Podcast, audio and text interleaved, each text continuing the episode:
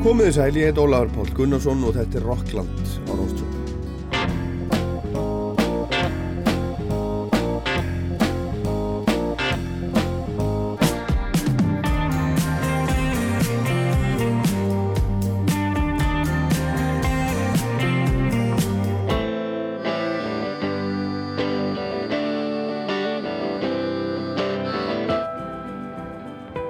Þátturinn í dag, hann er séður dálitið með augum útlendinga, erlendra gesta.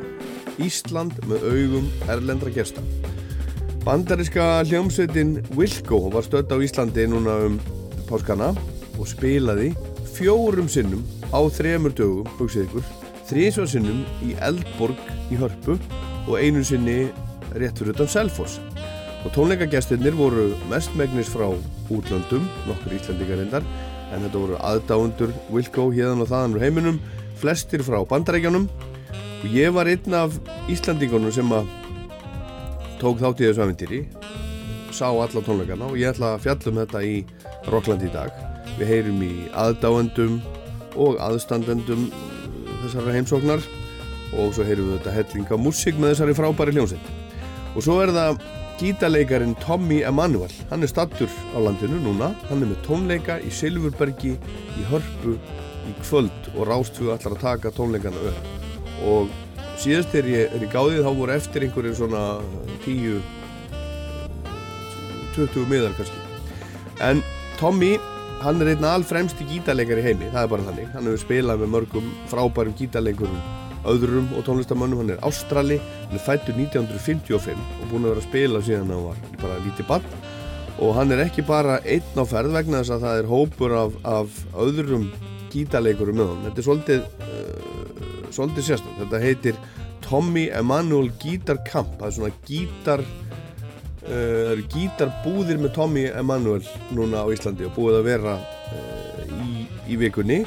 Það búið að vera prógram hjá Tommy og Bjössa Tór og öðrum, öðrum gítarleikurum sem er að kenna Jerry Douglas, Martin Taylor og svo eru tveir aðrir og Bjössi og Tommy. Þeir eru með svona gítar eh, masterclass bara frá nýju til fjögur núna, þaustu dag, lögadag og í dag. Það klárast í dag og eru, svo eru, eru tónleikar aðal tónleikarnir í kvöld þar sem þetta fólk allar eru glatt saman að vera það er búið að vera aðri tónleikar líka Það voru tónleikar til dæmis uh, í Gamla bíói og í Blík, í Moselsbæ og fleiri stöðum og það eru tíu íslenski gítarleikarar hérna, saði mér hann Björsi. Uh, Daví Sigurgeirsson, Brynhildur Oddsdóttir, Baldun Ringsteð, Andri Ívars og fleiri. Það vor, var bara pláss fyrir tíu íslenska gítarleikarar í þessu. Þetta er alveg, þetta er alveg stórmál og Björsi og einhverju fleiri er að spila með Tommy í kvöld og Bjössi hafði milligöngum um það að Tommy kæmi í heimsók í Rockland kom í efstaleitið í stúdíu 12 síðasta 50 dag og þeir spiluðu fyrir okkur saman. Skulum fara þáka Tommy Emanuel, thanks for coming on my show. Thank you, thank you. Tack. Yeah. so um, you're, you're gonna you're gonna play with us. You are with with um, the local legend here, Björn mm -hmm. Thoroddsen. Yeah. Have you been practicing all morning? Oh, well, we we had a little run through. Yeah. But, uh, uh, we haven't had time to practice a lot. But uh, uh when we when you choose songs that you both know and that you both love, mm -hmm. then it's just a matter of start to play it and see what you find what you can that that works. Yeah. You know, it's uh, a musician's first job is to listen. To listen. Listen. And, That's your first job. And and number two, know what song you're playing. Yeah. know what key it's in. Yeah. And uh, but you know um, when Bjorn plays a, a melody, I'm listening uh -huh. to how he plays it, and then when I want to play like a harmony, then I try to phrase like a singer with, with him. He's singing this note, and I try to I try to phrase with him. So I'm listening to how he plays the melody, then I try to make a harmony yeah. with that. So you say the like, that that is the most important uh, thing that a musician does is to listen. That's first. That's first. L listen first, yeah. yeah. and then figure you know figure out what you want to play and what you think is the best thing for the music you know because our as musicians we are here to serve the music right? And when we play the music from that perspective of from our heart and from our hopefully good taste then you the listener can enjoy the experience. Um, and uh, and that's really what it's all about. It's us Yeah. serving the music properly you know I would love to have a little bit of experience now. Right. Okay. you would like to hear a little experience? Yes. Okay. Well, then uh, I will play you a song that I wrote uh, on a train trip. Uh huh. Um, usually, I end up writing something when I travel on a train because, first of all, trains are very comfortable, and especially in Europe, they're they're quiet. And um, and uh, you know, I remember we were going from Paris to Cologne in Germany, and I was thinking about movie music, and and um, I started with this idea uh, of of a straight A flat chord to E, like so. I got.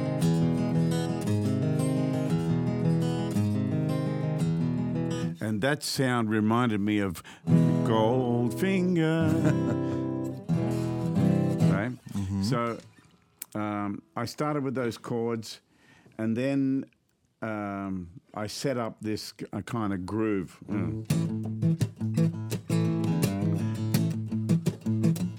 And, and away I went. And I had the song written in about two hours. I had it all finished, and then I practiced it and played it. And I played it in the concert that night in, in Germany. So the song is called Fuel, F U E L, mm-hmm, fuel. Mm-hmm. The, the stuff that we put in our cars to uh-huh. make them go, the food we put in our uh-huh. belly to make us go, and the the fuel that we take from each other, the the experience, the wisdom, the uh, all those things fuel for for living. That's what this song's about. So here it is, fuel.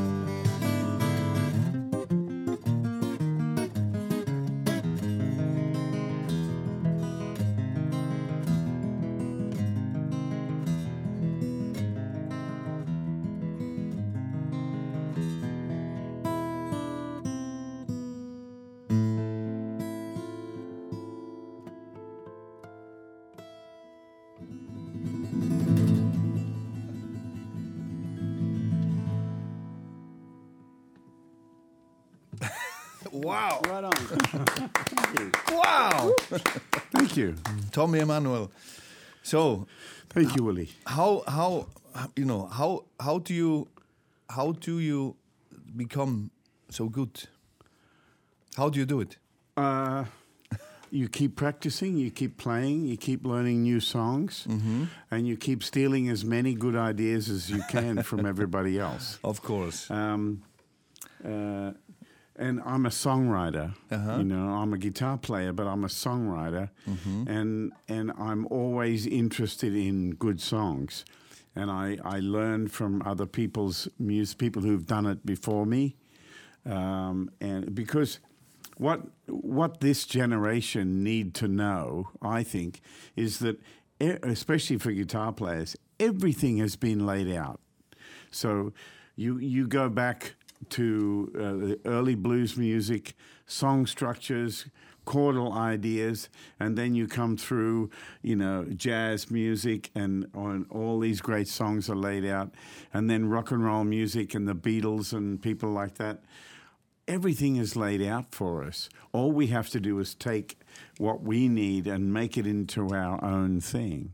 And um, so, you know, um, to write a song like Fuel, like I just played for you,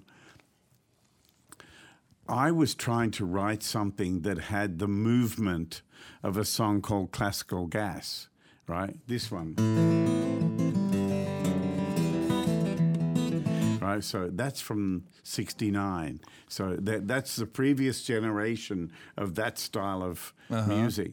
I'm trying to write something new, so I'm using the ideas of um, it must be melodic, it, it must have uh, powerful hooks and chords, and then when the chorus comes in, it must be singable.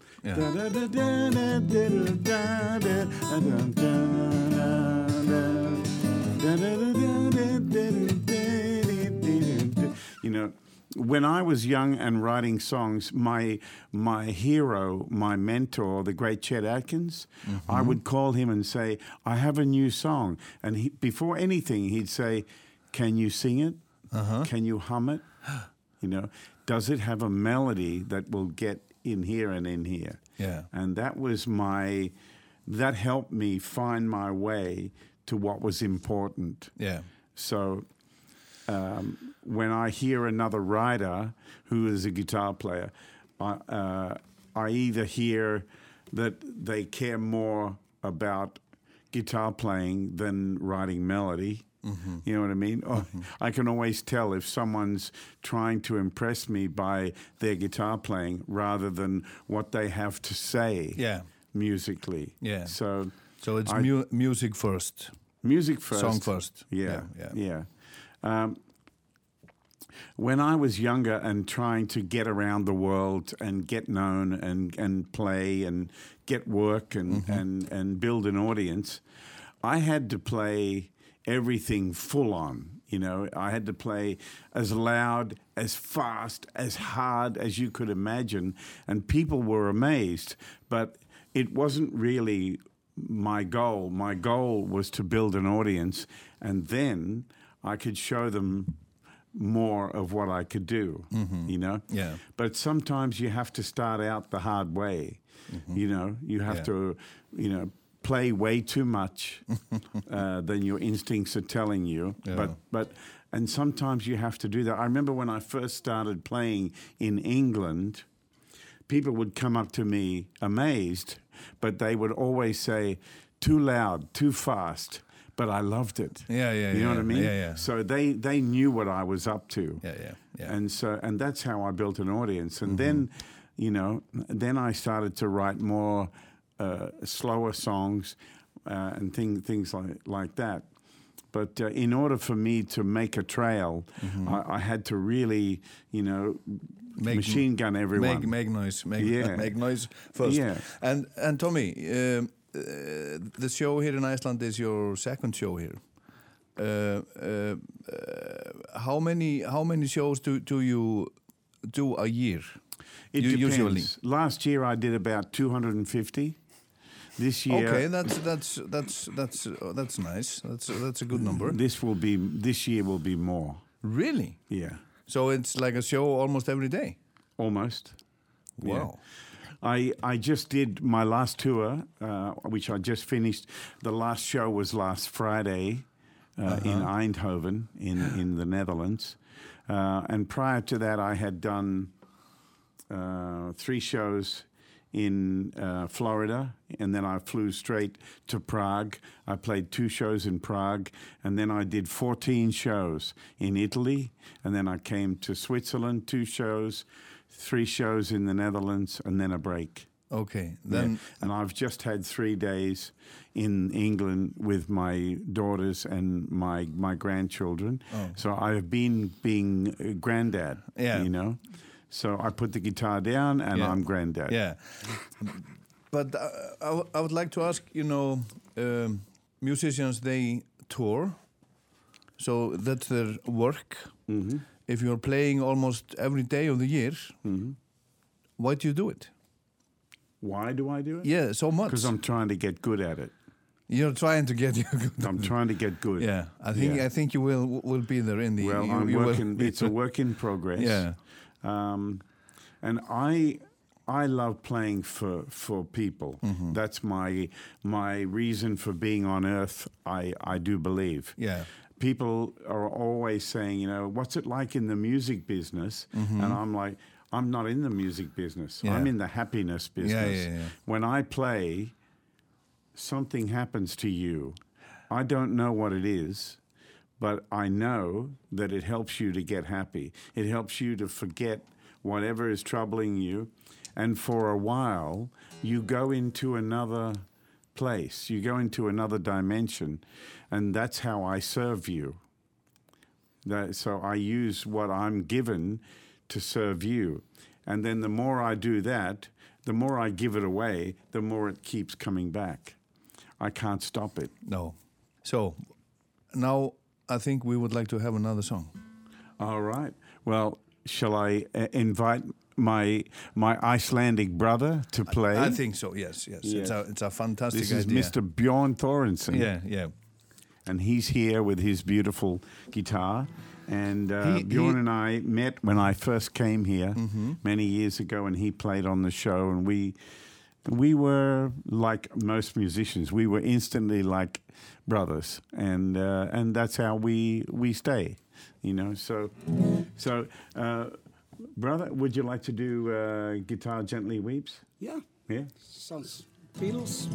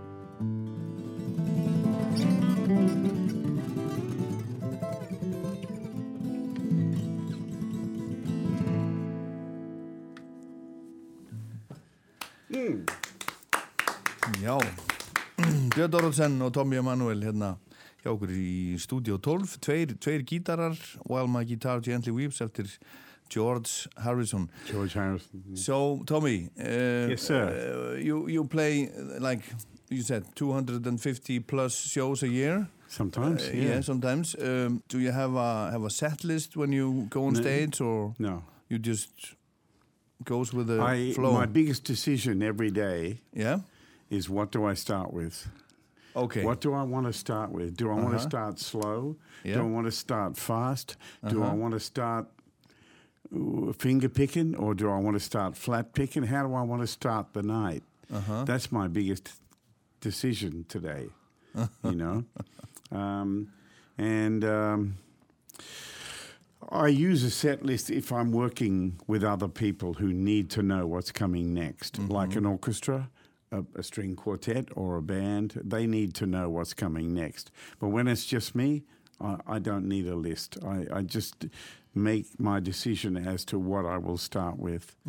And and if I have people that I'm going to get up, for instance, um, when when uh, Bjorn and I play the show this week, I will tell him before the show when you hear me play this song, you know. Uh, uh, a song where maybe I play a drum solo or something. Where i- i- when I play this song, I will get you up after that. So he will know, okay, I'm next because he's banging away on the drums. You know what I mean? He's Yeah. playing drums on the guitar. And sometimes, like, uh, if I have a, a, a person who's touring with me who's opening, like Mike Dawes, for instance, from England, who's here, um, I would, uh, he'll know that when I play my Beatles uh, medley of songs, that he's after the Beatles. He comes after the Beatles. So he just needs to know that. So that's kind of how I I Yeah, yeah, I, yeah. I work it. Yeah. So so you you are a you are a songwriter yourself, and you are playing your songs and and other other people's. Some yeah, I do some some songs by uh, Merle Travis uh, and Doc Watson. So Uh-huh. I can sing some, I can play some. Yeah. um, and I can improvise. I like to build songs, uh, especially early in the show, where I can take some solos and take some risk. I can start pushing myself and get out on the outside of my comfort zone Yeah. and push myself. Any Icelandic songs? Of course. Of course. No, yeah. yeah, Little Red Rooster. Yeah, Isn't yeah, that yeah, nice yeah, yeah, of course, of course, like all of them, like all of them. So, uh, before we hear the the uh, third and final song that you're gonna gonna gonna do for us, I would like to ask you. You know, uh, I'm sure a lot of lot of people are interested in in how you how you started playing. You know, Ah. why did you why did you start playing? And I started playing because my mother, um, my mother could see that I wanted to play the guitar. She had a little guitar, and uh, and I was always uh, asking her if I could play it. And then for my fourth birthday, mm-hmm. my mum and dad gave me a little three quarter size guitar. And my mum showed me how to play some chords. And she also explained to me how a song works. Mm-hmm. So she said, okay, I'm going to play this song, you know, Blue Hawaii. Da, da, da, da, da, da, dee,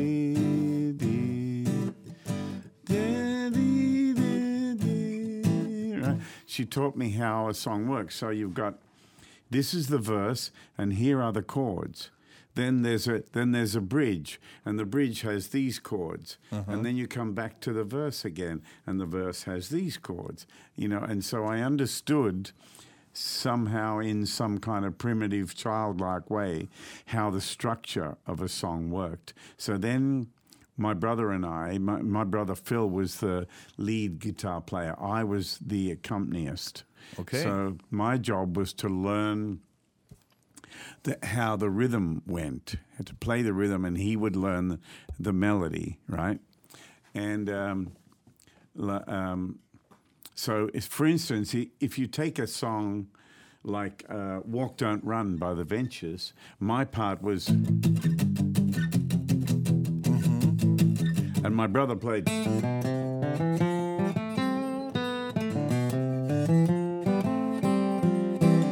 Right? So my job was. And then uh, we were listening a lot to the Shadows, who came out of England. And um, there was a kind of happy accident happened, and I'll tell you what that is. I heard things differently. In other words, I'm trying to work out the, the rhythm, but I'm also working on the bass part at the same time because I didn't know there was a bass guitar. this is what I'm calling the happy accident. Yeah, yeah, yeah. I didn't know there was a bass guitar. So there was a, there was a Shadows song where the rhythm went like this. And the bass went What I heard was mm. this.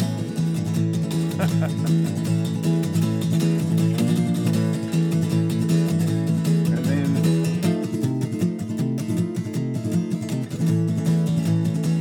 So I'm covering the bass part and the rhythm part, thinking that that's how I'm supposed to do it. And this went on for years, and nobody, nobody twigged. Well, we're supposed to have a bass player to cover that part. We didn't know that, and so when I heard a Chet Atkins record on the radio, I immediately could hear he's playing everything at once. Uh-huh. I can hear him going,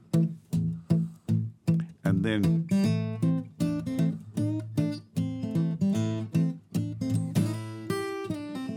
Right, so he's playing the lead guitar part and the and the backing. You can you can think of it like this: the left hand on the piano goes bass mm. mm. chord, bass chord, bass chord, boom, boom, boom, boom, like that, right? And then the right hand does. You put the two together. Yeah. It's both Malcolm and Angus. Hmm? Young. It's long before them. yeah, I know, I know. Yeah. Oh yeah. Yeah, yeah. Uh, I, I love the ACDC guys. Yeah, yeah. Yeah. Yeah, so that's how that all came about. Um, so my musical life as a young boy was really important in my growth as a musician later on mm. because it's just how I was wired. When I hear something, when I hear a song, I hear all the parts. Mm-hmm. So, Yeah. and I don't know how to explain that because I've never had any training and I don't read music. I play everything by, by ear. Yeah. So It's fantastic. well, it's, it's just the way, only way I know how to do it. Yeah. so, Tommy and Bjössi, it was a real pleasure having you having you on the on the show. Thanks for coming. Thanks for having us, Oli. And uh, and the last last song you're gonna play.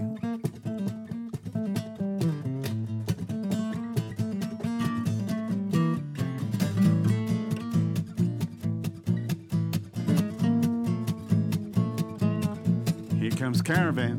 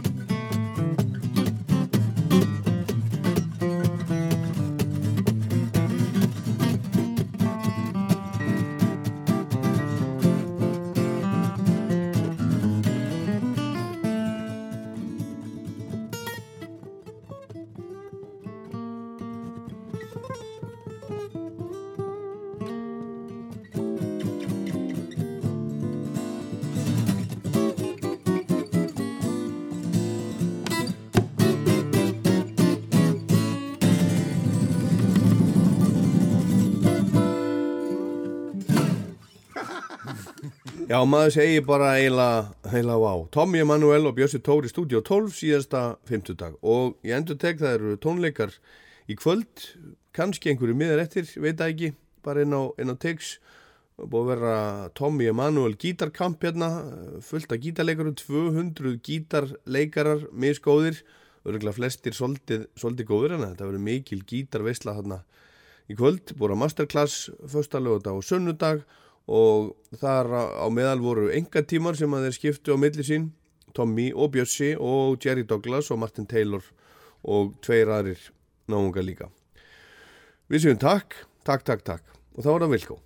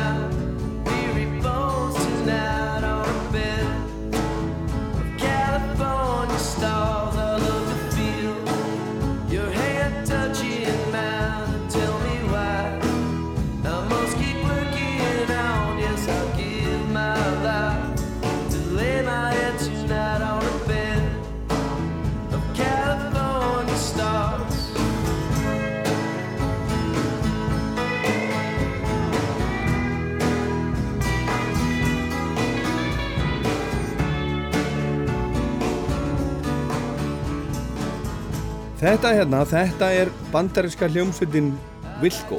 Við segjum Wilco en þeir segja líklega í Ameríku Wilco og þetta er lag sem heitir California Stars.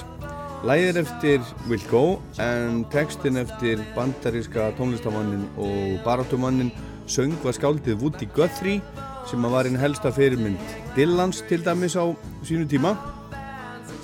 Það kom út á blödu fyrir mörgum áru síðan sem heitir Mermaid Avenue þar sem þeir voru saman Wilco og Billy Bragg breski tónlistamæðurinn Billy Bragg.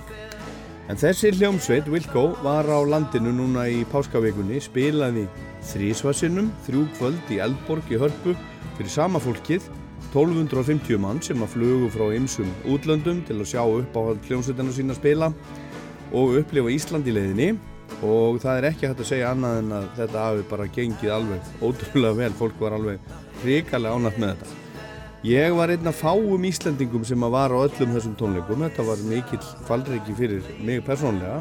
Vilko var einn af mínum uppáhald hljómsettum bara í heiminum og hefur verið það í mörg ár og er til dæmis það sem ég hlustaði á langmest á Spotify í fyrra. Það var ekki Neil Young og það var ekki U2 og það var ekki Bubi Mortens eða neitt annað sem að þið haldið að ég sé alltaf að hlusta á. Það var bara þessi hljómsett sem að heiti Wilco og ég hitti nokkra Vilka og aðdáendur í kringum tónleikana. Og við heyrum hérna eftir hvað þeir höfðu að segja um þetta æfintýr alls saman. Ég spjallaði líka við Ethan Swartz sem á samt félagar sínum sem heitir Larry stóð að þessu æfintýri og kveikjan var tónleika heimildamind um íslenska hljómsveit sem Ethan sá fyrir rúmum 15 áru síðan. Það var þá sem hann ákvæmi sjálfum sér eða hugsaði þarna langar mig til þess að halda tónleika. Mér langar að koma til Íslands með hljómsveit eða hljómsveitir og líka fólk og halda tónleika á Íslandi. Og í fyrra var það veruleika í fyrsta sinn og kannski er þetta bara rétt að byrja. I'm tired of taking it out on you. Tired of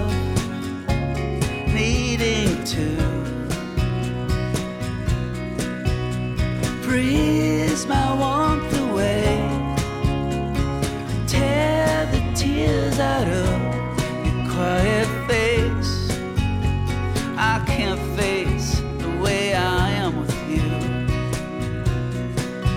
Or replace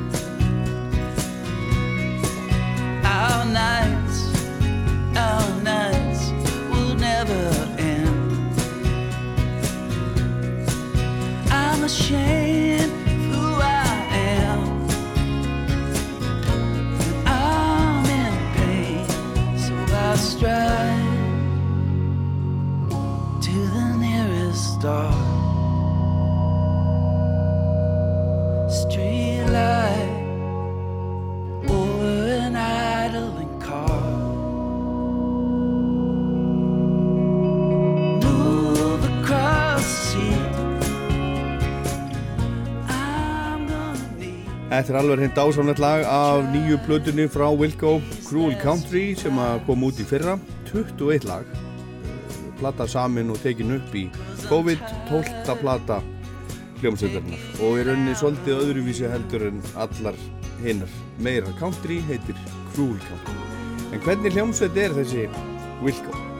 Þetta er bandarísk country rock hljómsveit byggð á punk grunnisamt eins einkennlega og það kann að hljóma en þannig er það og tónlistarlega myndi ég setja þessa hljómsveit í sömu hillu í Plutuskáp og The Band og Birds og Bob Dylan Band of Horses K.K. kannski, Bubbi Múkisson, Bítladnir og einhvers konar country en svo blanda saman við hugulegt country rockið áhrif frá til dæmis dísku krádrocki og, og, og jazz einhver amerikanin sem ég heiti um páskana notaði hugtækið Cosmic Country um tónlist Wilco, Spaceað og Cosmic Country. Vel samin lög, innihaldsríkir textar og allt alveg ótrúlega vel spilað alveg maður í hverju rúmi eins og, eins og stundum er sagt. Alveg geðvikislega gott band. Og í aðdraganda þessara tónleika hérna í Hörpu var búin til Facebook-hópur sem að heitir Wilco in Iceland. Hvað annað Ég smelti mér auðvitað í hann og þegar þetta var allt saman búið þá baði ég fólk þar um að senda mér fyrir þennan þátt öllu til postkort og segja mér og okkur hvers vegna þau, þetta fólk, lagði á sig langt ferðalag til þess að fara á tónleika, sjá sömur ljómsveitina, spila þrjú kvöld í röð í Reykjavík. Hér er Dan. Hi Ollie, my name is Dan. I'm from Rochester, New York in the United States, and I came to see Wilco because I love the band. But frankly, Iceland has been on my bucket list for years to come with my wife. So the fact that Wilco was coming was just a really great opportunity for us to pull the trigger and come visit your beautiful country. My wife Amy and I had a fantastic time getting to sample food and seeing sights around the countryside honestly, our favorite site was the Carrot Crater, and it just took our breath away seeing that. The best thing about the concerts was honestly getting to see three nights of Wilco, and there wasn't a single down point across all three nights. Every song was great from the hits, you know, such as Impossible Germany and Spiders and Hummingbird to even some of the deeper cuts that don't get played as often. My favorite song was Reservations. It just brought me to tears. So I would like to dedicate the song Reservations to my wife, Amy.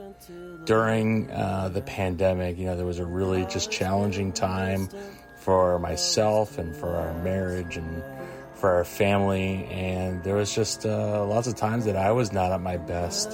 So I just want to remind my wife that is even when I'm at my worst, I do not have any reservations about being married to her and loving her every day. So thank you. I love you, Amy. I have no reservations about being married to you. Thank you.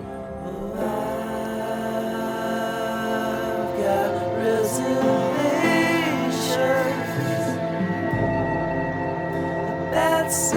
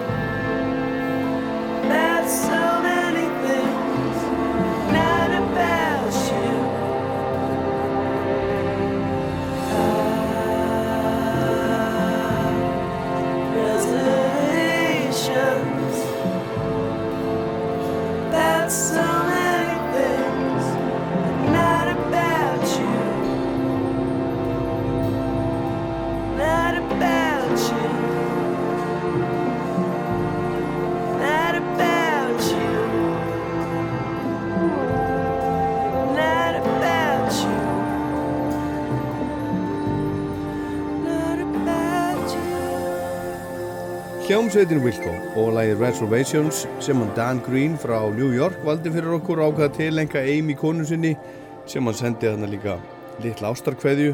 Þetta er fagurt og þarna heyrðum við eina af fjölmörgum hliðum þessara hljómsveitar. Wilco er raun soldið eins og, og bítlarnir. Ég veit að það eru Helgi Spjöll alltaf að líka hljómsveitum við bítlana en að vissu leiti þá er Wilco soldið eins og bítlarnir. Þetta er eins og, eins og margar hljómsveitir. Þeir eru ekki fastir í því að vera að gera alltaf sömu blöðuna, sömu, sömu músíkina. En COVID reyndi á okkur öll og líka á Dan og Amy frá New York og það var gammal draumur að koma til Íslands og blanda því saman við þrenna tónleika með Vilko sem að hann elskar og þau bæði og bara frábært. Þau fóru í skoðunarferðir, þau fóru í hellaskoðun, þau smökkuð alls konar mat og fengu svo þrjú kvöld með Vilko. Þrenni tónleikar og það er nú alveg heil hellingur er næstu því bara gomma. En þetta voru eiginlega fernir tónleikar, það voru nefnilega einir auka tónleikar fyrir þá sem að vildu í Ingólskála við Selfoss. Það voru svona 300 uh, 350 manns þar eitthvað sles þar var bóðið upp á mat, það var allt innivalið kjötsúpa, kleinur og kaffi og íslensku bjór og flatkökur með hangikjöti. Eithor Ingi, hann var þarna með smá smá músík á undan undan Vilkó og svo komu þeir og spiluðu í klukkutíma allt bandið, rammagnað, öllu tjálta til eða, eða mistakusti svona, svona flestu We're from Norway and we're here because of Vilko.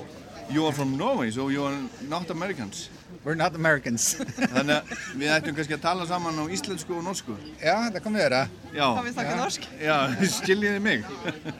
I, I don't get uh, all the words, No. in, uh, but, but of course, uh, Norway, we uh, somewhere down the history line we did a took a wrong turn. Yes, it we wa- should we should have spoken Icelandic in Norway It, as well. it was the it was the same language, and you forgot yours. yeah. Yes. So Yeah. Sorry, sorry. But so so uh, I, I thought it was almost all Americans. So you are from Norway. yeah. Uh, also, I met one guy from uh, Germany. Uh huh. Yeah. But I think um, the Wilco fan base is uh, mostly American for, for, for this event. So Yeah. yeah. And and why do you take on a trip like like this? Uh, travel from one country to another to see one band four times Yeah, in it's three days. uh, it's uh, Is something wrong with you? it's it's a YOLO thing. You know, you only live once. Yeah. And um, I I first saw Jeff Tweedy uh, at Roskilde Festival with uh, Uncle Tupelo uh, in, really? in the 90s. Okay. And so I've been a big fan of uh, of uh, alternative country music Yeah. ever since, and I've uh, seen Bilko every time they've been to Norway, Mm-hmm. and uh, I've seen Jeff Jeff Tweedy solo, and the Tweedies, uh, the band with his uh, son. So yeah, So you're you're a real fan. yeah, I'm just a big music lover. Yeah. So, And your names? I, I I forgot to ask you about your names. My name is Mette Kalve. Mette Kalve, yes. I'm Nils Kalven. We're we're married, so Yeah, uh, yeah, yeah. So, so is is Wilco? Is it also your favorite band, or are you just coming along? No, it's my favorite as well. Really? So yeah, so we've seen them uh, You are, together. you are a lucky lucky couple. We met at a concert actually. Yeah. okay, so you you share the the love of music and the love of yeah. Wilco. Yeah. So we go to a lot of uh, shows in Norway. Yeah. See, uh, So we've seen yeah, whenever it's possible for us. That's so. Uh, even though uh, times are hard and uh, money are scarce, it's, it's uh, this is what we choose to do. So, Yeah. yeah. Have you been to Iceland before?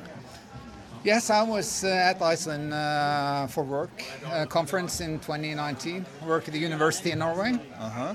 So I was at the University of uh, Iceland for uh, for uh, a communications uh, Yeah. seminar. So, yeah. yeah. yeah.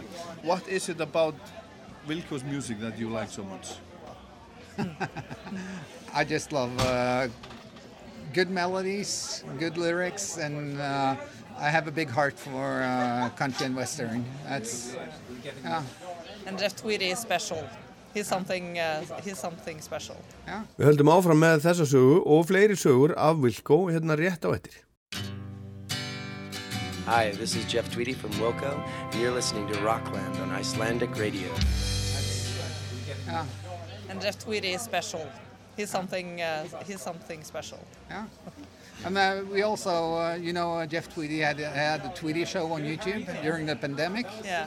So I, I, I spent a lot of hours uh, watching uh, the shows. Yeah. So, uh, so it's a very, uh, it's sort of an intimate fan relationship. Yeah. So you get to know them. Yeah, And, uh, we, we feel like we know uh, the whole family. okay. And and have you have you ever met him? Never. No. I've been close to him. Uh, he's always been on the stage. Yeah. Yes. So if you had one question for Jeff Tweedy, what would that be? What would that be? Uh, of course, when when are you coming to uh, Oslo, Norway? Of course. of course. And was it your uh, first time in Harpa last night? yes. Yes. Fantastic what did you, venue. Yeah. Yeah, it was amazing, and uh, yeah, there's not. Uh, I don't think there's a bad seat in that concert hall. Yeah. uh, the acoustics and the sound, and Yeah. Where did you sit?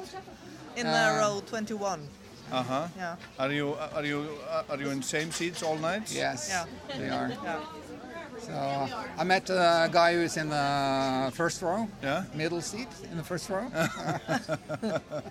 Are you are you uh, staying longer here or or um, We're just in for uh, the show, so we're The- flying back to Oslo on Sunday. Yeah. So, flying on Sunday? yeah, so we're Well, going just- going to the Blue Lagoon tomorrow Yeah, because it's my first time in uh, in Yeah, yeah, yeah. in Reykjavik. Yes. yeah. So I have to And- see something. But is it any, anything special that you that you have have discovered that is that has surprised you? It was, Everybody uh, is uh, very polite Okay, you think so? Uh, and That's, open. that's yeah. good to hear. Yeah. So thank you very much. Thank you for coming. Yeah, Thank, Thank you for talking to me. And you. now you you you get to uh, choose a song for the show. for the show. Oh. Hva skal vi velge da? Ja, uh, Mer vi ikke har hørt ennå. I, I, I uh, think I would like an encore of Monday. Yeah. yeah, the song they ended with uh,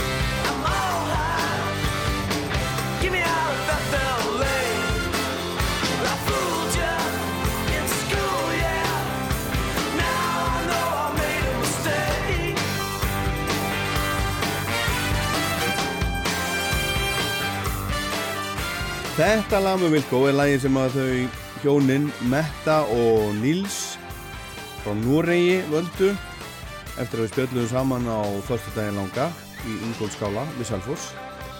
Tónleikarnir þar byrjuðu klukkan 1 um daginn og Vilko spilaði svona til cirka 2 spiluður reyndar aðeins lengur en það er alltaf að gera þess að það svo gaman.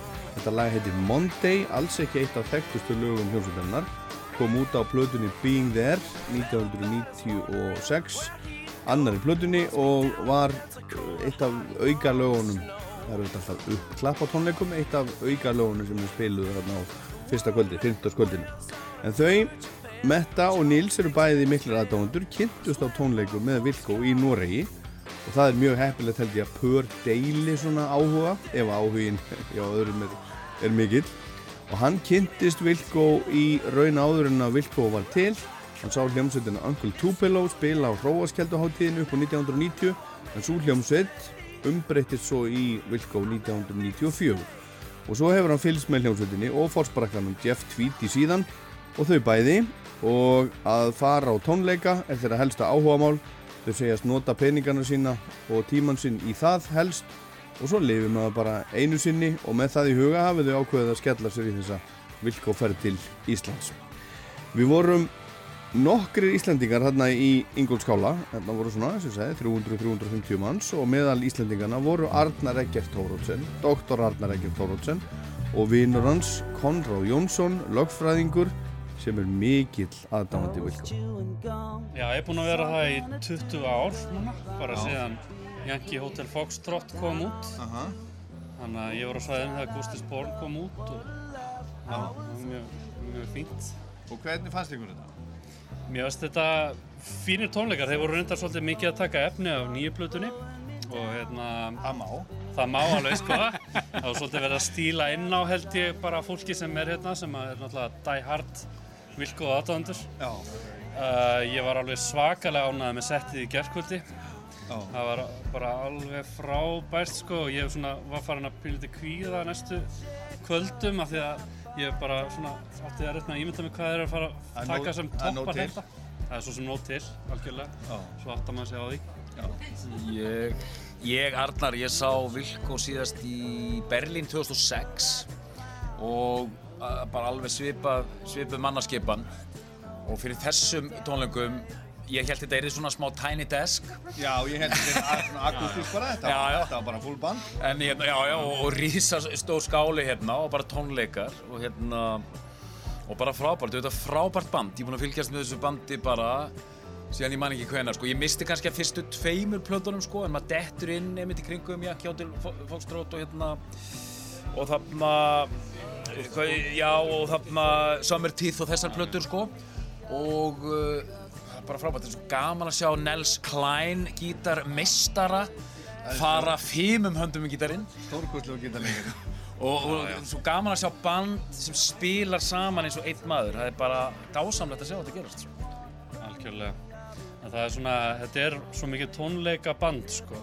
Það verður aldrei átt eins vel við að sjaldan valin maður í hverju rúmi. Valinn maður í hverju rúmi, Þetta er ógeðslega flott band og þeir eru allir Já, já. eitthvað svo flinkir. Og svo rattaði saman eins og, eins og sko. Crosby, Stills og Nass. já, já, já Og, og bara, og allt. Og, og, og tveir frábæri gítarleikarar.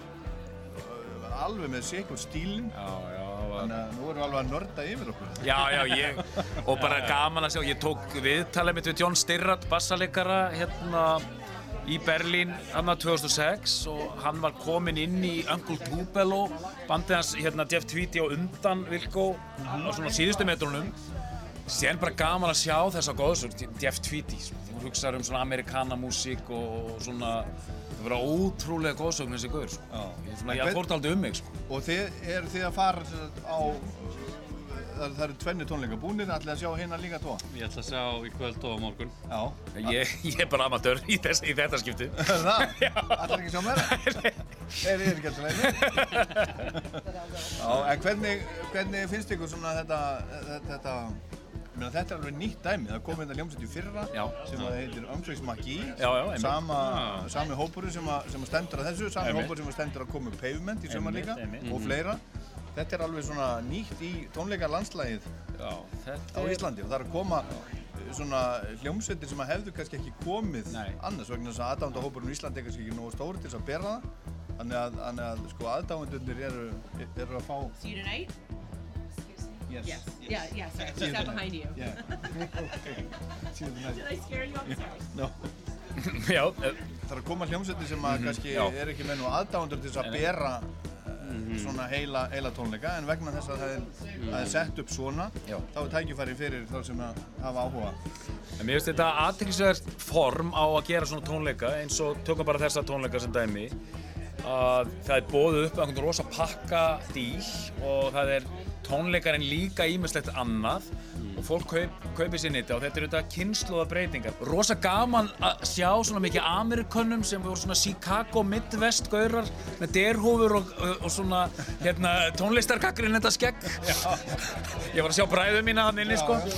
Þannig að hérna og, og þetta er svona fólk sem hefur kannski efni á þessu sko. að kaupa svona Rufus Wainwright hefur líka gert þetta Bara sniðugt nýtt form á Elvis svona Costello tónleika. Elvis Costello einmitt Þeir tónleikar eru svona líka Vilk, Vilk var líka með svona hérna, svona, hérna, hvað heitir þetta? Skemmt, skemmti ferðarsiglingu. Já, já. Vilko Krús, við förum í það líka. Sína eigin tónlistarhátti. Herðu, takk fyrir spjall. Herru, takk. Og, og, og góða skemmtun á. Takk, takk. Takk sem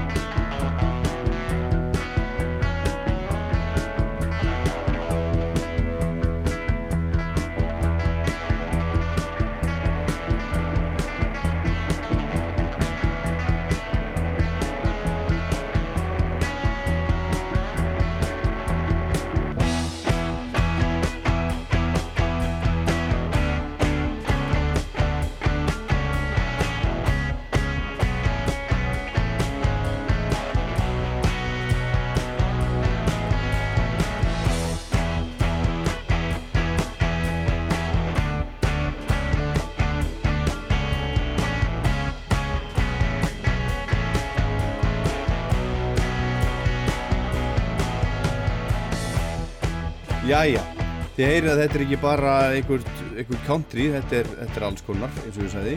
Þetta lag heitir Spiders, Kid Smoke innan svega og Arnar Eggert hann valdi þetta sérstaklega og hann sagði ég hafði verið að veðja við vinn minn hvenar Spiders, Kid Smoke kæmi en átti ekki beint á því að það er nelt í það svona snemma á þriðu tónleikunum, það var á þriðu tónleikunum glæsilegt lag og tilrunarkent sem sýnir svo vel hversu framsækið og gott þetta band er. Jeff Tweedy og félagar búa til melodíska rockara, hugljóðar ballöður og líka síru og allt er þetta framkvæmt eins og að drekka vatn. Ég er algjörlega samanlunum en þessi magnaði hljómsett Wilco, hún var stopnud árið 1994 upp úr annari hljómsett eins og ég segði á hann Uncle Tupelo sem var svona alternative country það er eiginlega fyrsta hljómsveiti sem að fekk á sig uh, þann stimpil alternative country, öðruvísi country og uh, hún hætti eftir að, eftir að hinn söngvarið, þeir voru, voru tveir söngvarar og svona tveir frontmennir í rauninni, Jay Farrar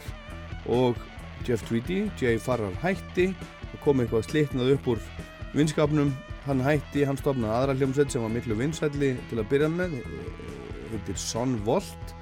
En hann tók uh, þetta áfram með Wilco og fyrstu árin voru dálitla mannabreitingar í hljómsveitinni og dagar þeir tveir eftir af uppháflabandinu bassarleikarin John Stirratt sem er frábær og söngvarinn og aðalagasmiðurinn Jeff Tweedy.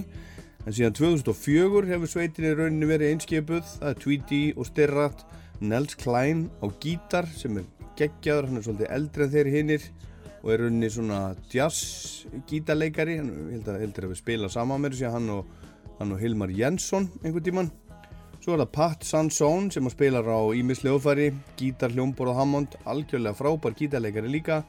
Mikael Jörgensen sem spilar á hljómborð og það svona fer ekki mikið fyrir honum en hann gerir alveg helling. Hann svona býr til svona svona hljóðheim sem er á, er á bakvið. Og svo trommarinn Glenn Kotche sem er algjörlega frábær. Og svo er, svo er Jeff Tweedy líka frábær gítarleikari svona, þeir spiluðu allir gítarsólo en það var ekki kannski svona hefðbundin gítarsólo eins og að maður heyrir oft heldur það var svona svona meiri svona gítarkjörningur en allt alveg hrikalega, hrikalega flott og vel, vel gert.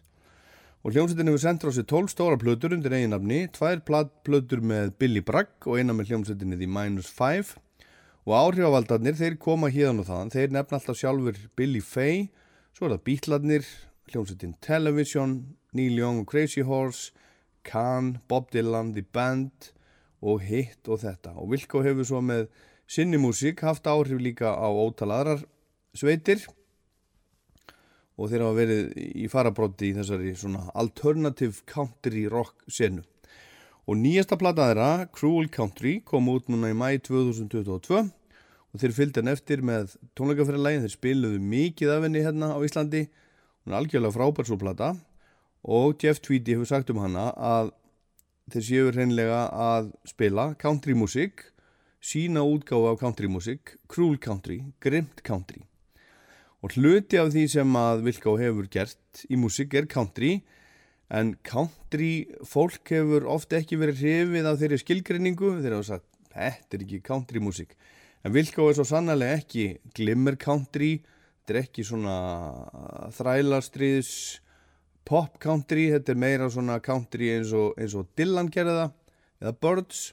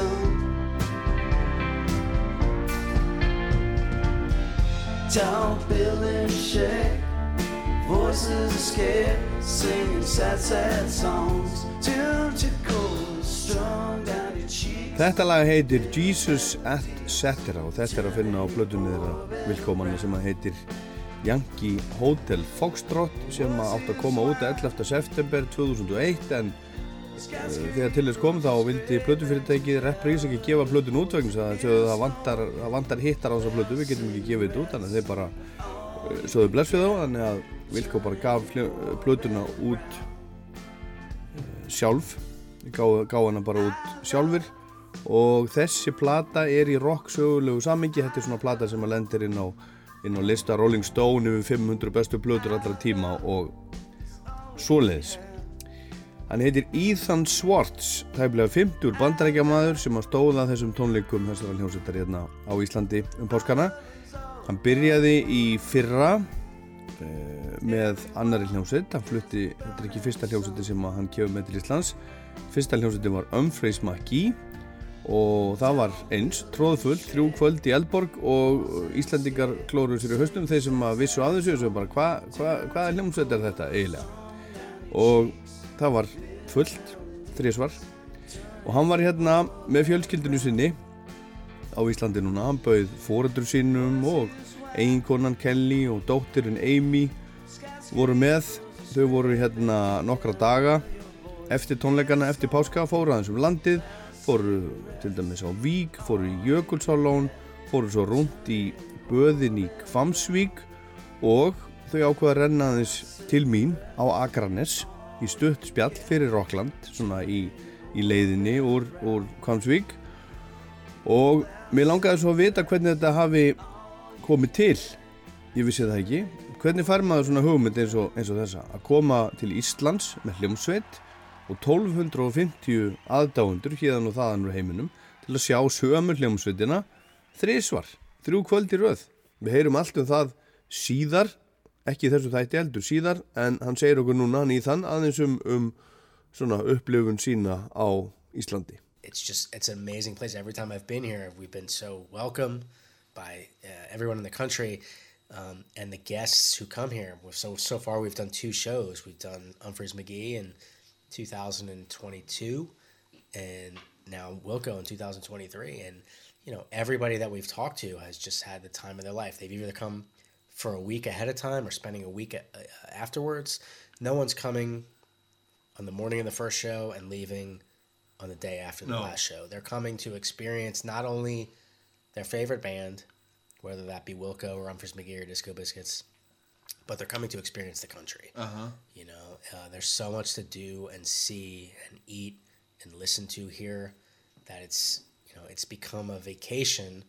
Um, you know, we like to say that the country itself, you know, the destination is is also the headliner. Mhm. You know, it's it's it's just become such an amazing experience. And and my favorite part is hearing from the bands. You know, I know that I know the guests are having a great time because we talk to them all but hearing from the bands that it's been one of the best times they've ever had as a musician. You know, these guys have been playing for 25, 35 years.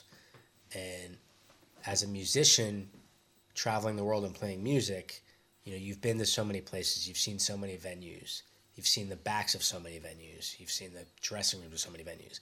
But how often can you say you've brought your family and spent a week there experiencing all these different uh, activities and locations um, and peak experiences while while in the country. Yeah. You know, and li- and seeing what you know the members of Wilco have posted this year, this week, um, on their trip here. It's just it's just been an incredibly fulfilling experience for me. Mhm. You know, to be able to to be able to do this not only for the bands but you know for the fans, for the people who are coming. Mm-hmm. I know we had 27 different countries coming from to Iceland. Um, I would say probably 1,250 of those were from outside Iceland. Yeah. You know, we set aside, we made sure, you know, having talked to, you know, people in the country, yourself included, you know, making sure that tickets were available for Icelanders. You know, we wanted to make sure that because Wilco is not a band that has been here. So, Mhm. you know, there's fans of Wilco in the country. We wanted to make sure that people were able to get tickets. Um, but I would say it was probably about 1,250 people who came here from Yeah. outside of the country. And they That's came from 27 different countries. Yeah. Yeah.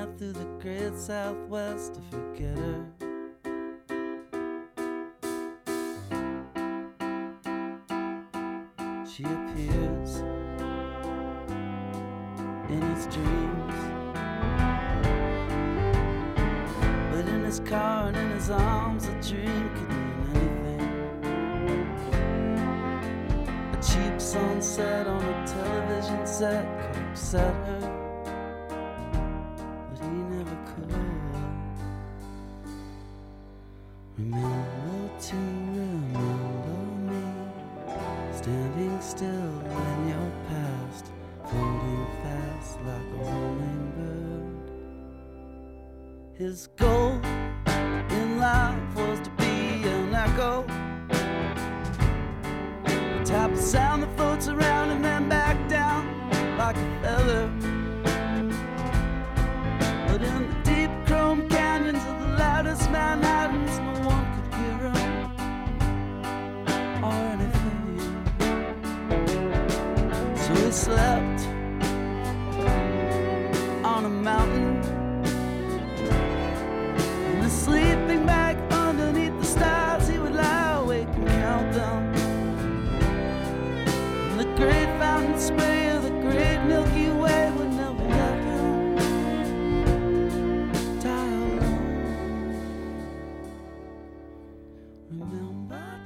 Enn eitt fína lagið frá Wilco þetta gæti nú bara verið bítlalag þetta heitir Hummingbird kom út á plötunni A Ghost is Born árið 2004 og þetta þykir bara frábær plata og hún fekk frábæra dóma og hún fekk Grammy-velun þannig að fyrir árið 2004 Best Alternative Music Album eins og það heitir. Og hann Íðan Svarts var hérna að segja að það væri allir svo, svo gladir með að koma hinga til Íslands allir, allir þessir vilka og aðdándur voru svo, svo gladir og fólk var lengi.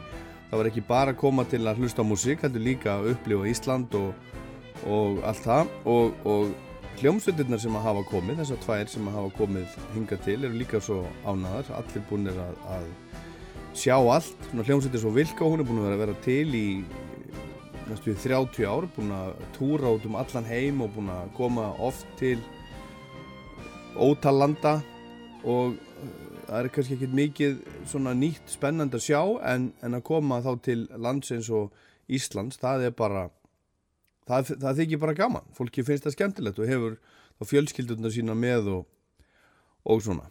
Og þetta voru gerstir frá 27 löndum sem að voru hérna aðdáendur frá 27 löndum. Og John Williams, hann kom frá Alaska til að sjá sitt fólk, sína menn, sína hljómsitt My name is John Williams. I came from Alaska to Iceland to see Wilco. It's not my first time to Iceland. I first came in 2013 and rode a bicycle from Reykjavik to Sadisfoder in uh, September, camped along the way. It's a beautiful trip, and I fell in love with the country. I've been a long time Wilco fan, and I met my partner in Berlin during the Schmilko tour. I needed a ticket.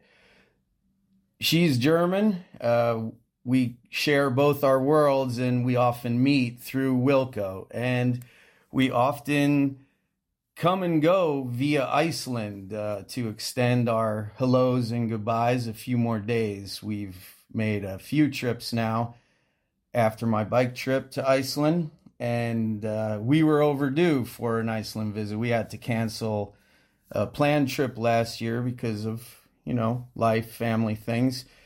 So this was a super special experience, and uh, it was beyond uh, what we could have even imagined. How brilliant it was! The Harpa is an incredible, beautiful facility. The city of Reykjavik and the surrounding landscape is otherworldly and mind blowing, and really the perfect backdrop for the sonic landscape that Wilco creates with their music. Uh, and as always, Wilco provided us with the most serendipitous, perfect timing. We were due for another rendezvous in Iceland at about this time, and it was just so wonderful that they obliged us with these incredible three shows. However, the best part of the whole experience was seeing the whole community of Wilco fans, all these other people that we see and know and have come to consider our closest friends uh, that we see in the different Wilco shows all over North America and Europe where we wander to see them. And uh, yeah, it was a fantastic experience. I, I'm already we're already dreaming of coming back again. So I'd love to dedicate a song to Katja. Um, Impossible Germany would be the uh, obvious choice, but we both love Pot Kettle Black. And uh, yeah, so thanks again, Iceland. Talk.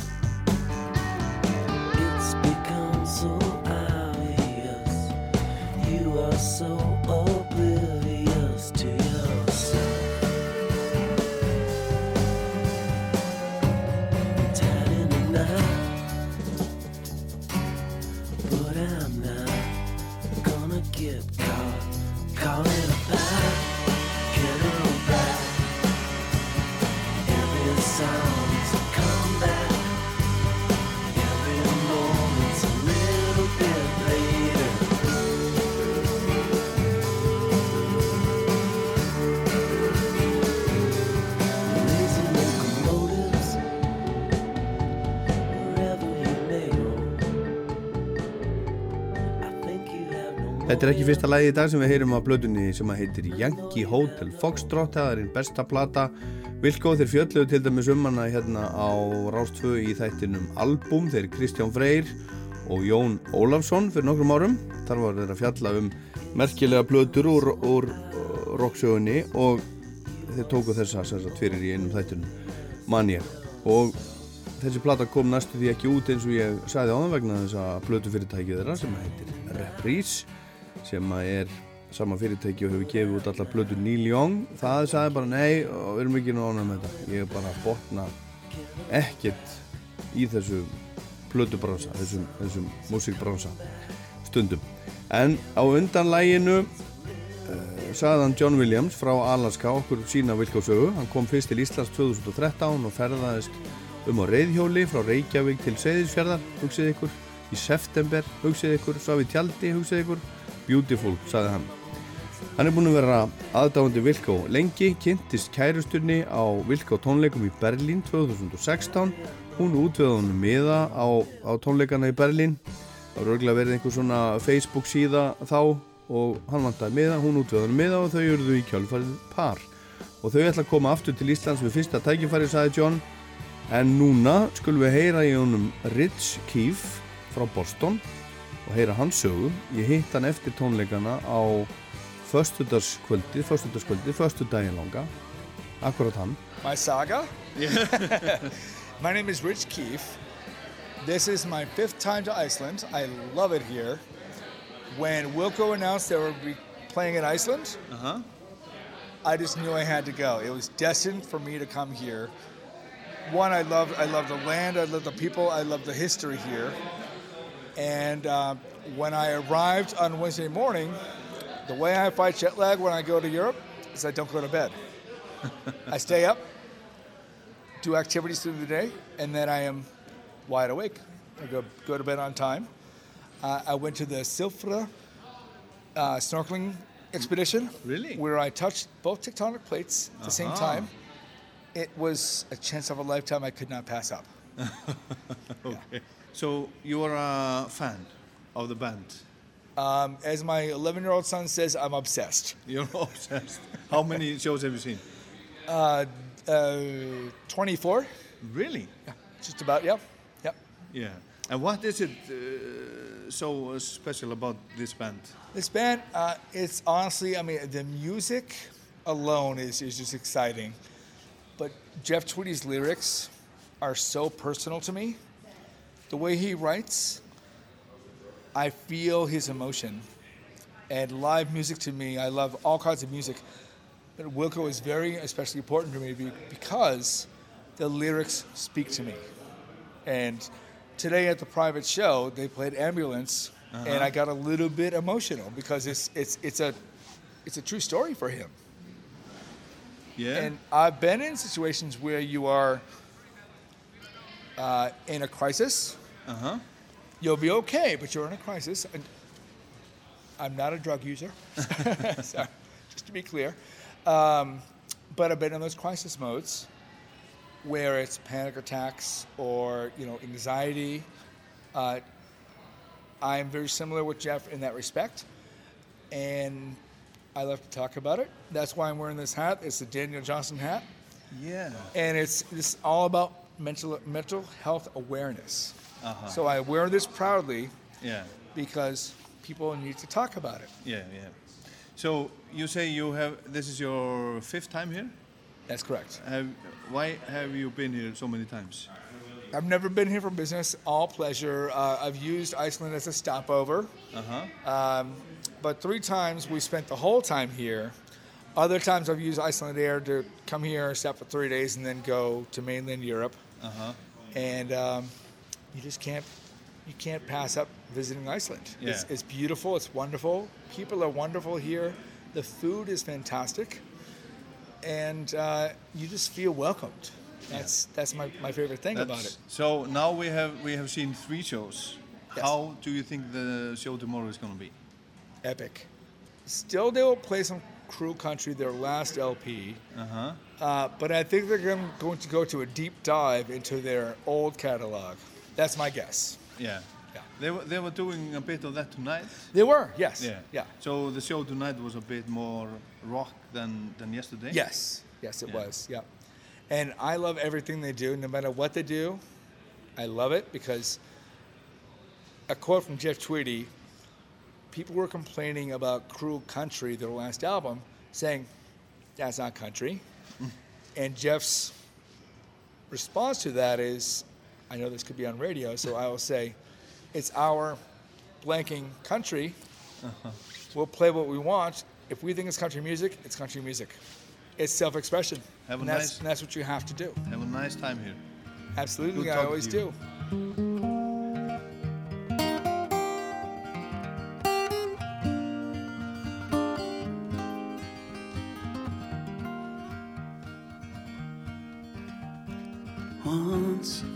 Just by chance, I made a friend in an ambulance.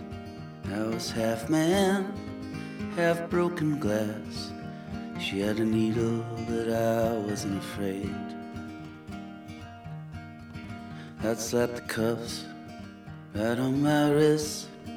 I'd get so high, I'd arrest myself for honeysuckle on a buckle, broken teeth biting on my belt.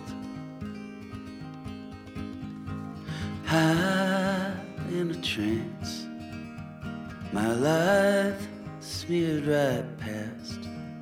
In a blue light, I thought she was dancing, but she was just holding my cold hand.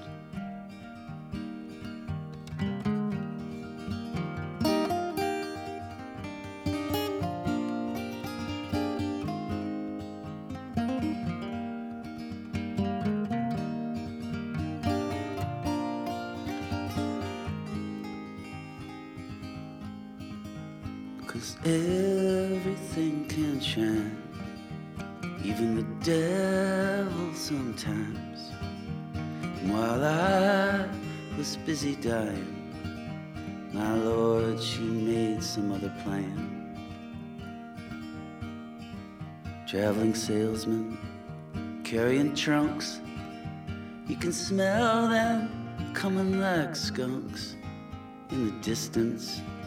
If your eyes can focus, that's how God once spoke to us. Þetta lag með Wilco er á nýja plötunni Cruel Country og þetta fjallar um sjúkrabíl, dope, overdose Jeff Tweedy var mikill fíkill í nokkur ár var, var á læknadópi svona ópíóða livjum sem er bara faraldur um allan heim núna og, og það deyja fleiri á Íslandi til dæmis að völdum læknadóps í dag heldur en í umferðarslesum en hann er löngu, löngu laus við allt slíkt í dag og, og bara lifir heldur nokkuð góðu lífi en hann er svona auðvitað að díla við eh, kvíða og þunglindi og ímestlega sliðis Lægið endar á Everything can shine, even the devil sometimes While I was busy dying My lord, she made some other plan.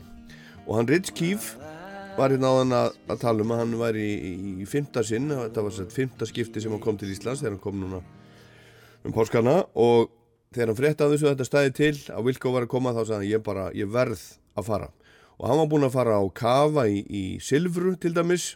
Og það fannst honum algjörlega frábært og hann er, hann er obsessed Vilko aðdándi, búin að sjá það á 24 sinnum, 24 tónleika og hann segist oft hafa, hafa komið við á Íslandi, notað þetta svona þegar hann er að fljúa á milli Evrópu og bandarækjana sem stopover eins og það heitir og hún fannst ásvöldlega að vera hérna góðu matur og, og allt það.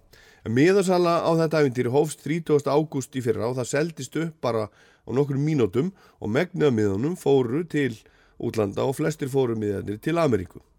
Og ég hitti alveg slatta fólki um helgina og, og var bara með þessu öllu saman, keifti plakat og, og vilk og sokka og textabók og ég fekk tár í augað á tónleikum og hló yfir snildinni og allt þetta er bara algjörlega, þetta var algjörlega frábært. Og allir, allir tónleikarnir voru teknir upp þar að segja hljómsveitin, hún tekur alla tónleikarnu upp og við erum að vinna í því að fá að útvarpa þessu hérna síðar á rástöfu, vonandi gengur það upp.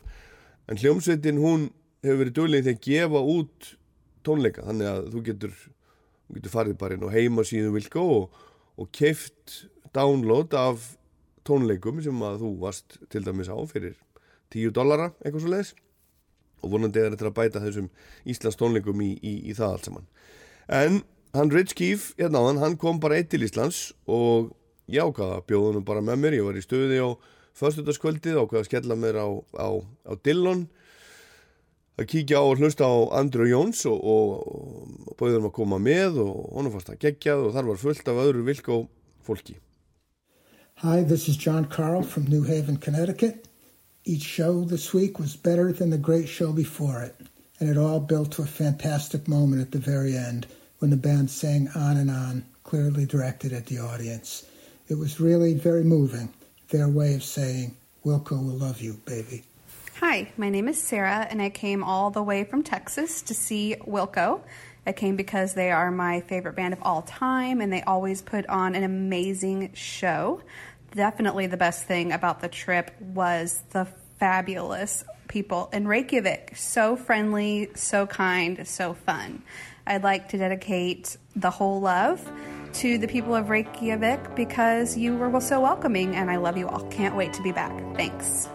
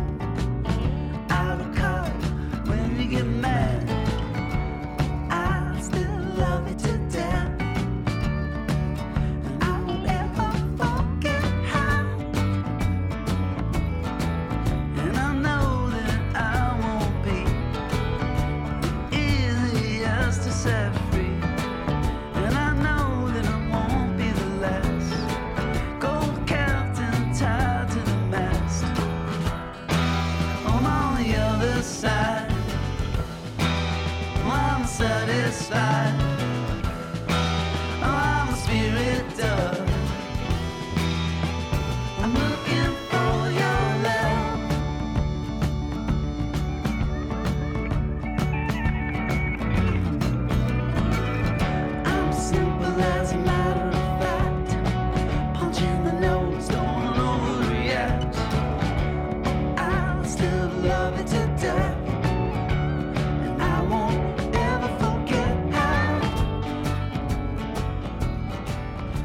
Þetta er lagið í Whole Love sem hún Sara frá Texas valdi fyrir okkur í þennan þátt Þetta er titila plötu sem kom út árið 2011 og þessir 1250 erlendu gestir sem komu um páskana til Íslands til að sjá þessa ljósitt fóru hingað á þangað voru alveg bara í, skíjónum ég hef ekki séð hana, fórum alla trissur Gullfoss og Geysi og í Bláa Lónið og Reynisfjör og Jökulsálón og Sky Lagoon og Snæfellsnes og bara mjög víða, fullt af fólki. Sumir fóru svo á Lemmy, fólk fóru út að borða. Sumir fóru á Dillon að hlusta á Andrew eins og ég og Rich Keefe. Og fólki leti rigna á sig og blása á sig og upplifið Íslandi eins og Ísland er.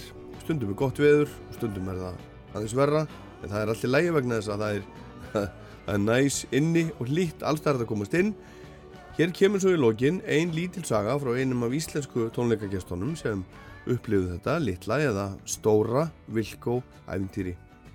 Komið í sælir, hlustendur góðir. Ég heiti Dagur Gunnarsson og uh, ég uh, starfa stundum sem aukuleðsögumæður, það kemur fyrir uh, að ég skondrist um landið með ferðamenn og, og, og, og síni þeim og ræði það sem fyrir auguber og eitthvað svona það gerist fyrir ekki svo langu síðan að ég fæ símtala kvöldi til og það er maður sem að ég hef hitt kannski einu sinni sem að ég þekki ekki mikið sem sagt sem, sem spyr hvort ég geti bjargað sér og, og farið í, í um, ferð strax morgunin eftir og uh, Guldfossgeysi og, og, og dæin eftir líka einhverjar Snæfellsnes eða Suðurströnd einhverja svona ferð og ég sagði bara jájá, já, ég skal retta þér þannig að það var engin fyrirvara á þessu og svo stoppa ég svona einhverja smá rútu neyri í miðborg Reykjavíkur og, og inn rúlar uh, þessi fjölskylda.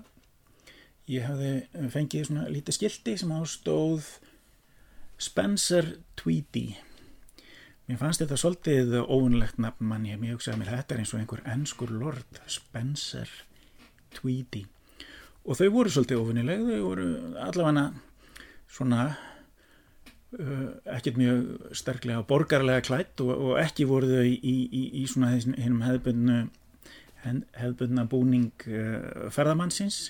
Ekki mikið í Goritex eða, eða gunguskóm en þau eru kátt og gladvær og við leggjum í hann og ég segi þeim frá hinn á þessu og fyrir eitthvað að reyfa sögu lands og þjóðar og, og, og, og tala um Haldur Lagsnes og íslenska hestinn og allt þetta hefðbundna og þetta er allt mjög hefðbundið og skemmtilegt. Þau eru koma með mér margar gáðulega spurningar og það er bara mjög gaman hjá okkur og við stoppum og þingöllum og við, ég sína þeim þá og svo fyrir við þetta, þetta hennan hefðbundna gullna ring og um, svona í þriðja stoppi þá, þá er ég bara að rappa við fjölskyldu föðurinn, hann Jeff þennan líka bara viðkonarlega mann og, og hérna hann talaði nú kannski ekki mikið og Susan einkonans en, eh, en, en við, við setjum bara svona erum eitthvað að spjalla og ég segi svona já og, og hvað starfar þú ungi maður? Nei, ég sagði náttúrulega ekki ungi maður en, en svona hljómaði svolítið þannig já, ég er svona, ég er tónlistamæður sagðan já, já, á, á hvað spilur já, ég er svona bara að semja lög og svona og syng og ég er með hljómsveit sem hefur starfað í 30 ár. Já, já, áhugavert. Og hvað heitir hún? Vilko, Vilko? Nei, ég kannast ekkert í það. Og svo heldum við bara að föra náfram og ég segi einhverja brandar á sögur og, og smamsamann svona fyrir áttum á því að þau eru öll meir og minna í tónlistinni og þetta er einhver hljómsveit en ég er svo sem ekki að spá meir í það og svo.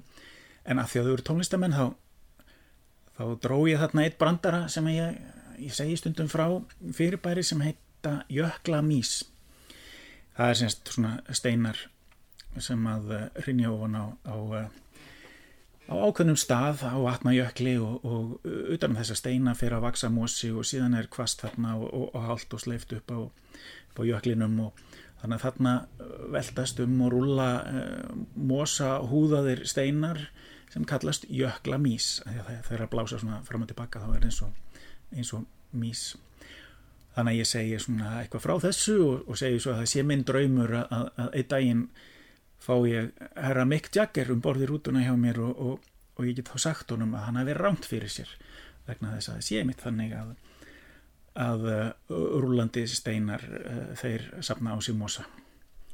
Og þau hlæja þessu og finnst það skondið og fara svo að tala um það hvernig það hefði verið þegar þau einhverju sinni voru að spjalla við uh, þessa hljómsveit The Rolling Stones og, og, og Keith Richards uh, hefði, hefði sett lúkun á kollin á, á Sammy yngstaða meðlinum þarna í, í tweeti fjölskyldinu og Sammy hefði verið rættur og þau voru eitthvað að hlæja því að ég, þá fór ég nú að hugsa heyrðu þetta er nú kannski ekki alveg hérna óþægt fólk úr því að þau stunda það að, að, að fara, í fjölskyldu myndatökur með Rolling Stones og uh, og síðan kom það líka betur og betur ljós sko þetta var hérna, vel þekkt band þegar að hvar sem við stoppuðum þá var fólk að kalla og flauta og, og, og byggja um uh, sjálfur með þeim og, og uh, segjast, segjast laka til tónlingarna og svo framins það var allstaðar þar sem við komum. Þessa tvo daga var einhver aðdáðandi sem átti miða í hörpu. Og uh, það fór svo vel á með okkur og þau þau hérna spurðu hvort það mætti ekki bjóða mér á tónlingarna og ég held það nú og ég fór á, á tónlingarna á, á 50. kvöldinu ef ég maður rétt og, og, og þá bara laust þessari tónlist niður í kollinu á mér eins og eins og eldingu og, og uh, ég fór að, að skoða þetta allt saman miklu betur og hlusta meira og svo sendi ég þeim tölvupósta sem ég þakka kjærlega fyrir mig fyrir þess að frábæra miða og hvað þetta hefði verið aðeinslega skemmtilegt og, og, og hvað það hefði verið gaman að, að hitta þess að fái Íslendinga þarna fyrir, fyrir utan sem að hérna höfðu þurft að skrýða á blóðu um njánum fyrir ári síðan og borga stór fjö til að, að fá miða á tónleikana og ég hefði bara hérna, fengið þetta upp í hendurnar eins og ekkert væri og þá fikk ég tölvupóst tilbaka sem að þetta fannst okkur nú fyndir saga og skemmtilegt að heyra og vilti ég bara koma á aðra tónleika? Og jú, ég held að þannig að ég fór á tvenna tónleika og og, um, og, og já, við erum núna bara bestu vinnir og þetta var alveg stórkostlega gaman. Það má kannski bæta því við að uh, þau spurði mikið um, um Ísland, þau spurði um Sigurmólana og Björk og vildi fá að vita hvað aðrir í, í uh, Sigurmólunum væru að, að bauka núna og svona, ég frættu eitthvað aðeins um það og og, um, og þegar við vorum þau voru mjög áhugasum um landið og, og fossan okkar og alla þessa staði og þau vildu sjá sem mest og, þau vildu alls ekkit eigða miklum tíma í það að setjast niður á einhverjum fínum veitingastöðum og láta þjóna sér til borð og þau vildu bara grípa samlóku eða hambúrgara í mötunettinu bara eins og aðrir og uh, til að komast yfir sem mest. Reynisfjöru og alla fossana og allt þetta það var bara, bara mjög uh, alþýðilegt og skemmtilegt fólk verði að segja og þau voru alls ekkert upptekinu því að vera eitthvað fræg. Það var bara það var mjög gaman að eigða þessum tíma með þeim Þetta var skemmtilega saga. Og margar skemmtilega sögur sem hafa verið sagðar hérna í þessu þætti í dag. Allavega finnst mér það, ég vona að þið hefði haft gaman að þessu. Ég fikk að hitta, hitta hljómsveitana í smá stund, ég reyndi að fá viðtal en það var ekki stemning fyrir því. En ég fekk að koma þessi heimsókn fyrir tónleikana sem voru á lögataskvöldinu síðustu tónleikana. Og það var bara mjög ánægulegt, skemmtilegt, gaman að hitta svona fólk þó að sér ekki nema bara í, í örfa á mínútur sem maður heldur svona mikið upp á það er bara þannig. En þetta var Rockland. Ég heit Ólaður Páll. Takk fyrir að hlusta. Impossible Germany. Unlikely Japan. Wherever you go Wherever you land.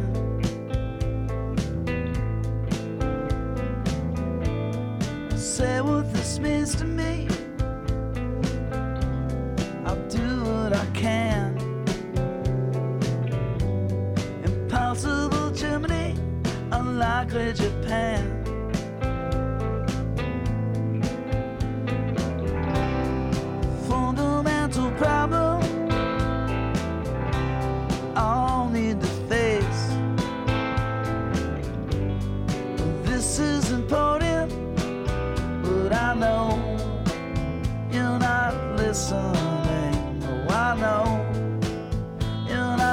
Sun.